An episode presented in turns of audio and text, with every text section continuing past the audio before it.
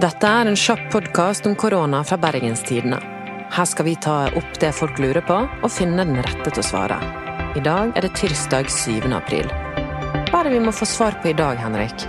Vi er jo nå inne i fjerde uken med isolasjon, og for mange så begynner de sikkert å kjenne det nå. Man går oppå hverandre, og det er tett. Men hva må man gjøre for å redde forholdet og beholde den gode tonen gjennom koronakrisen?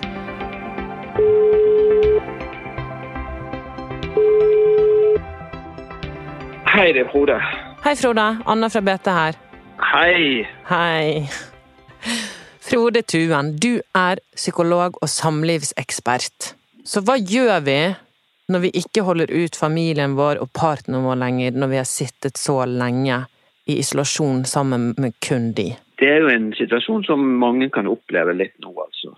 Særlig hvis man da i utgangspunktet kanskje har det litt vanskelig, eller ikke er så flink til å finne ut av det med hverandre. Eller man opplever denne situasjonen som veldig veldig stressende. Så stress har jo en tendens til å få frem de litt dårlige sidene hos hverandre. Og hvis vi viser de dårlige sidene samtidig som vi er liksom stengt inne i hjemmet sammen med hverandre i 24 timer i døgnet, så, så er det klart da kan det røyne på. altså. Og, og mange er nok der at de kjenner litt på det. Mm.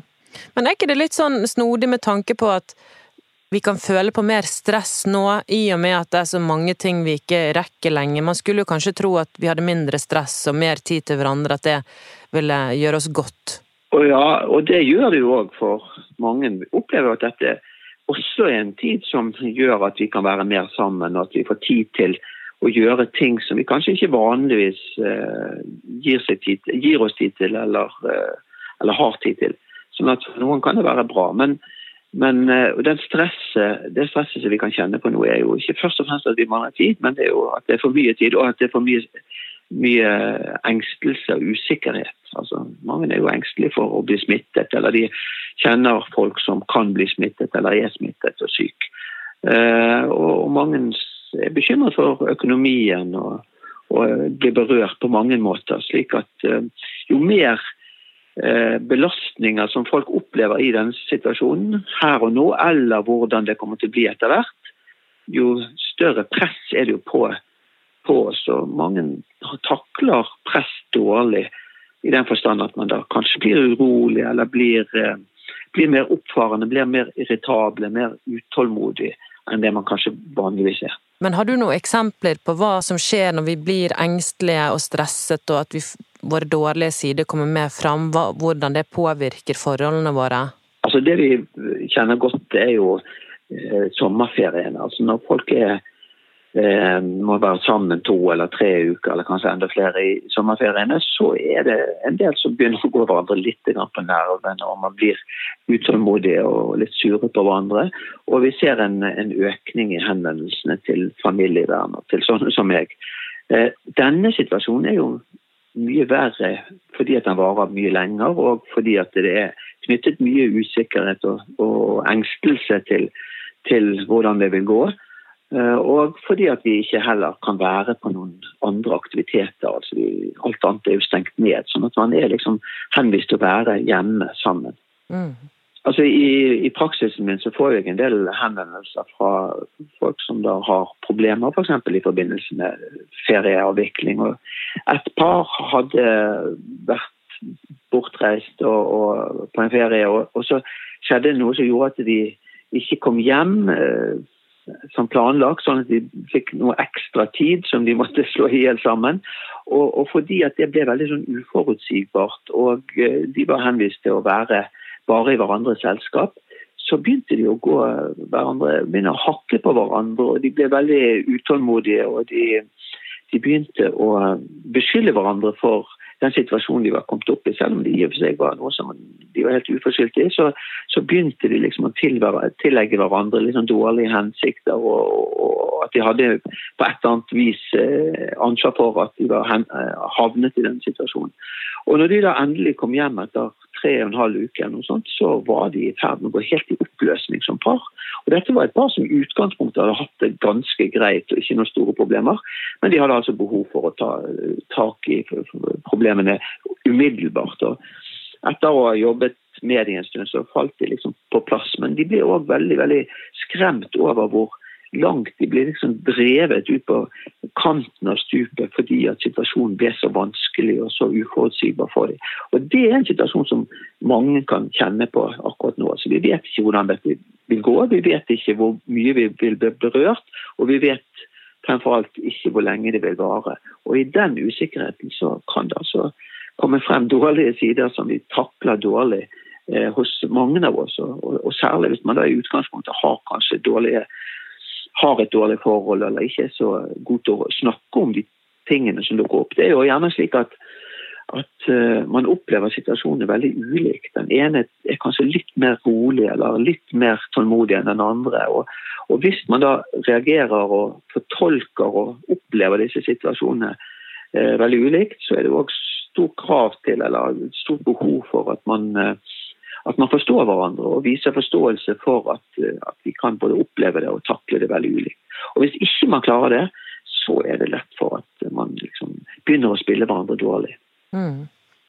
Jeg ser flere har spådd at det kommer til å komme en sånn skilsmisseboom fra i det området Wuhan, der hvor koronaviruset startet. Frykter du også at vi kan se en skilsmisseboom over her i Norge også, etter dette her? Jeg tror at vi vil se økte henvendelser til familievernkontorene når dette gir seg. Og jeg tror også at vi vil etter hvert se økte skilsmisser. Særlig hvis dette kommer til å vare i flere måneder.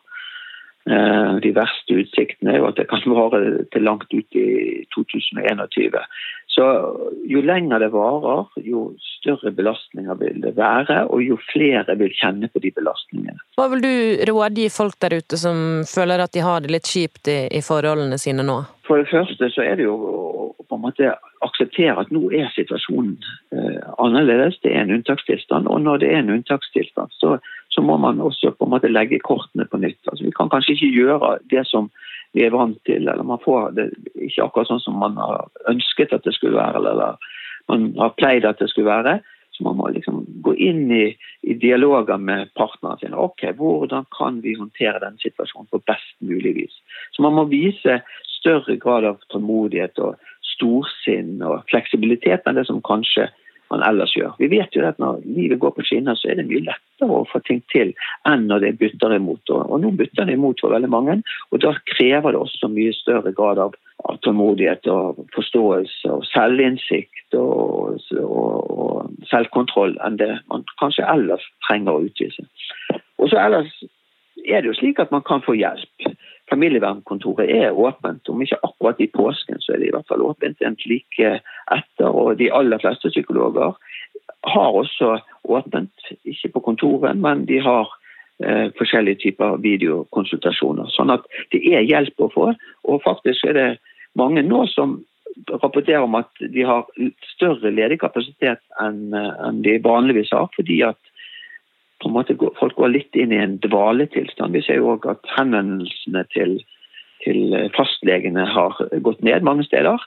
Selv om folk er nå like mye syke eller har like mye behov for legetjenester som ellers. Eh, sånn at det at vi har gått ned, hele samfunnet er stengt ned og man går i dvale, gjør at det også er faktisk ledig behandlingskapasitet eh, på forskjellige fronter. Det gjelder også for de som har eh, problemer i ekteskap eller i parforholdet. Mm. Er det noe du vil si til lytterne våre uten en siste ting? Ja, Hvis det var en siste ting, så er det å tenke at dette går over, og det gjelder å holde ut og eh, gjøre det beste ut av situasjonen. Det er når vi er i kriser at vi trenger å hente frem det aller beste i oss, og dette er en situasjon hvor vi virkelig gjør det. Tusen takk for at du tok deg tid, Frode. Ja, det skulle bare mangle. Kjempefint. Vi snakkes da, Frode. Vi gjør det. Ha det bra. Ha det. Vi er tilbake i morgen onsdag med et nytt spørsmål. Følg med på BT sin løpende koronadekning på bt.no. Mitt navn er Anna Magnus, og produsent var Henrik Svanevik. Lurer du på noe, send meg en e-post på anna.magnus.bt.no.